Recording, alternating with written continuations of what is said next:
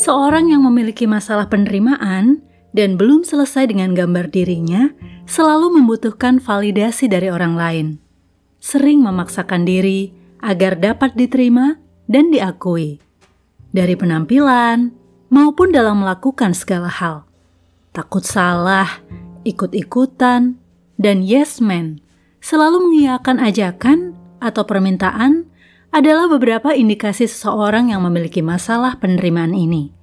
Apa yang melekat dengan diri kita sejak lahir, garis keturunan, tidak bisa diubah. Tubuh yang dianugerahkan Tuhan pada kita perlu kita cintai dan rawat baik-baik.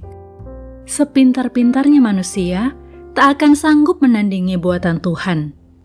Mulai dari menerima dan mengasihi diri sendiri, yang juga akan memampukan kita dapat menerima dan mengasihi orang lain. Miliki hati yang bersyukur, jangan memaksakan diri.